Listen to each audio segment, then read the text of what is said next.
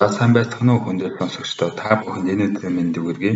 Тэгэхээр энэ удаагийн дугаараар Oxford AstraZeneca Johnson & Johnson вакцин маань яаж цусны бүлэн үүсгдэг талаар та бүхэндээ нотлохоон суурилсан мэдээлэл олохыг зорих болно. Oxford AstraZeneca вакцин маань гарснаасаа хойш хүн амыг вакцинжуулаад тодорхой хүн амын вакцинжуулалтны дараах тайланд бол цусны бүлэн үүсэлтийн тохиолдол бүртгэгдсэнийг та бүхэн сайн мэднэ. Жишээлбэл 2021 оны 3 сарын 18-нд бол Англи улсад 20 саяас дээш хүмүүсийг вакцинжуулахад нийт 25 тохиолдол бүртгэгдэж түүний одоо 18 тохиолдол нь бол тархины одоо венес утасны синусын тромбоз буюу ингээд амнасанд аюултай тиймэрхүү ноцтой цусны бүлэнгийн тохиолдол бол бүртгэгдсэн байдаг. Яг түүнчлэн 2021 оны 4 сарын 16-нд бол нийт шүр сэтгүүл дээр бол Johnson & Johnson вакцин маань 7 сая тонн хийхэд 6 тохиолдол бол цусны бүлэн үүссэн байна гэмээр бүртгэгдснээс хойш эрдэмтэд судлаачд бол энэ вакцин хийсний дараа яагаад одоо тромб буюу цусны бүлэн үүсэж байгааг бол судлаж нэлээ их одоо шийдэлд хүрсэн гэж ойлгож болно.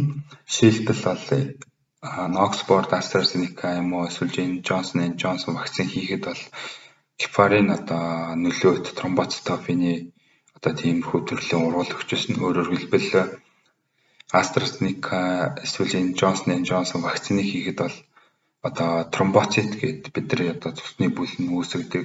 Өөрөөр хэлбэл бид нар ингээд гаа шалтлах юм уу цус алдахад тэр тромбоцит ис маань тэр одоо гемостазын нөлөөгөөр цусны бүлэн үүсгэж тэр хэсэгт маань одоо сулцны бүрэн бүтэн байдлыг одоо хадгалж улмаар одоо цус гаралтыг бол тогтоох буюу цус тогтоох үйлчилгээтэй байдаг. Гэтэл одоо тэр одоо цусны торомб маань ингээд судасны одоо гинцэн цаг гадагшаа цус алдчихж байгаа хэсэг тэр үүсч одоо тэрийг ингээд бүглэх ёстой байтал одоо судасны аль нэг хэсэгт одоо дотор ингээд тромб үсэх юм уу улмаар цусны бүлэн үүсээ тэр судсыг бүглэх гэх мэт одоо хүндрэлүүд бол тохиолддог. Жишээлбэл та бид сайн мэднэ те зүрхний шигдээс гэдэг маань титэм судасны дотор маань нарийслын улмаас одоо тэр нарийслын нөлөөгөөр цусны бүлэн үүсэх үе тромбоз үүсч одоо титэм артерийг бөглснөөр зүрхний шигдээс үүсдгийг бол мэднэ.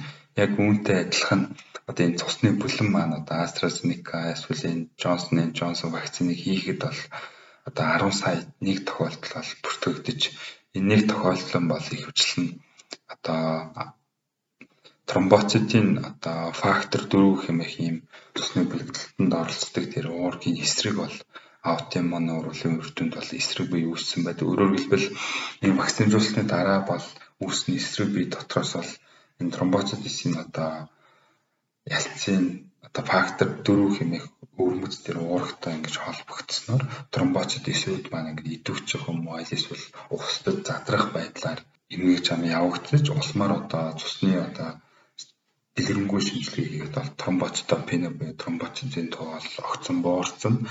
Аль нэг суцсанд бол одоо өөрөөр хэлбэл тромбоцит маань идэвхжээд одоо бүлэн үүсчин байдаг үүссэн байдаг. Жишээлбэл гүний венийн тромбоз юм уу эсвэл тархины синусын тромбоз юм уу ер нь энэ тохиолдлуудыг ингээд судлаад үзэхэд бол ихэвчлэн одоо 30-аас 40 насны эмэгтэйчүүд аа тэгээд одоо гепарын хийлэхэд аутоиммуны одоо урвалаас шалтгаалсан тромбоцитопений үүсчихсэн эдгээр өвчтнүүдэд бол ихэвчлэн одоо AstraZeneca вакцин хийсний дараа бол цусны бүлэн үүсгэх нь бол ихэвчлэн тохиолдож байсан.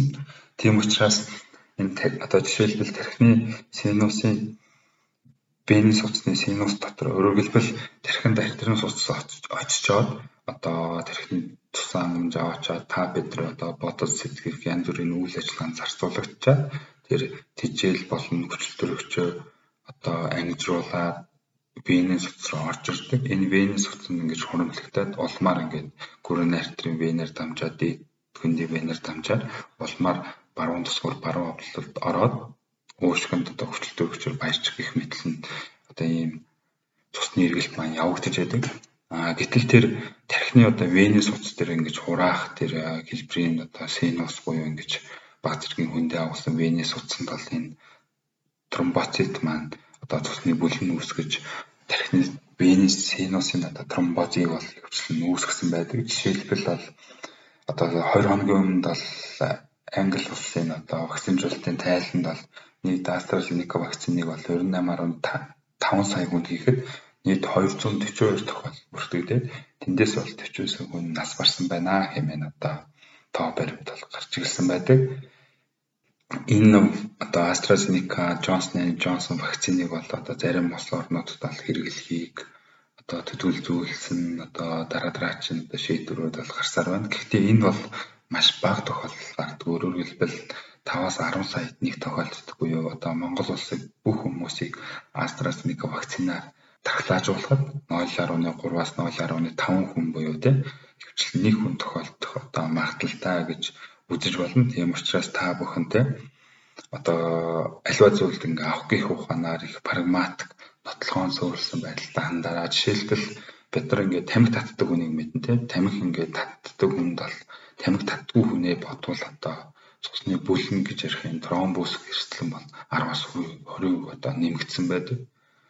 Өөрөөр хэлбэл альва одоо зүйл наантаа цаатаа сайн ойлгож одоо ялангуяа эрүүл мэндийн асуудал дээр бол ингэж нотлохоон суурсан байдлаар та бүхэндээ хандахыг бол уриалмаар байна. Тэгээд хөл хорой тавигдсантай холбоотой та бүхэн халдвар хамгааллын дэглэмээ сайн баримтлаад энэ цар тахлыг аюул багтаа эзэн засгийн хохирол багтаа эрүүл мэндийн ямар нэг эрсдэлгүй одоо туулж гарахыг та бүхэндээ хүсээрэй. Тэгээд нэг зүйл хэлэхэд одоо энэ халдвар төвчний шийдлэн бол вакцин байдаг шүү. Тийм учраас та бүхэн вакцина хийлгээрэй. Яагаад гэвэл одоо 2 хоногийн өмнө бол Sinopharm гэдэг одоо хятадын улсын үйлдвэрийн Beijing-ийн вакциныг бол Монгол улсад бол маш их хэмжээгээр дархлаажуулалт хийж байна. Энэ вакцин бол 2 хоногийн өмнө эрүүл мэндийн байгууллагын одоо мэрэгжилтэн экспертүүд бол 79% нь одоо үр ашигтай үр дүнтэй хэмээх вакцин байна хэмээн одоо emergency use list буюу одоо яаралтай гормоор хэрэглэхийг болж зөвшөөрсөн байдаг.